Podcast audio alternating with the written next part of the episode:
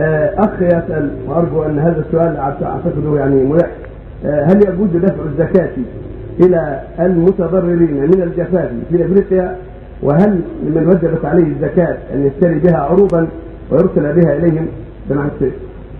المتضررون في أفريقيا من أحق الناس بالدعم والمساعدة والمواساه لما أصابهم من الفاقه والحاجة والجفاف والجوع.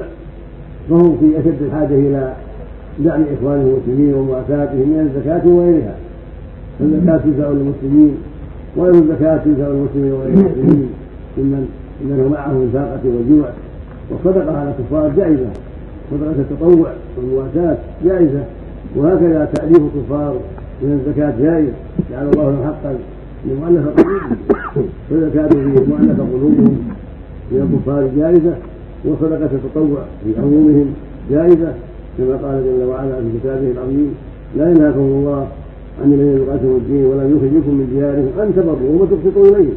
إن الله يحب المقسطين وفي الصحيحين عن أسماء بنت أبي بكر الصديق رضي الله تعالى عنهما أن أمها زارتها في المدينة وهي كافرة.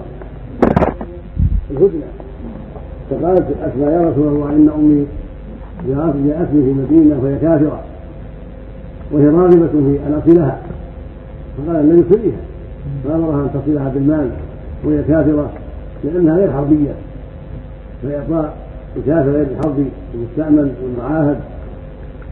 يكون يعطى شيء من المال أو الواسع. ويحسن إليه لا بأس بذلك. غير الزكاه أما الزكاة فتدعى المؤلف قلوبهم من الرؤساء والكبار الذين يرجى بإحسان إليهم. قوة إيمانهم أو إسلام من ورائهم أو كف شرهم. نعم.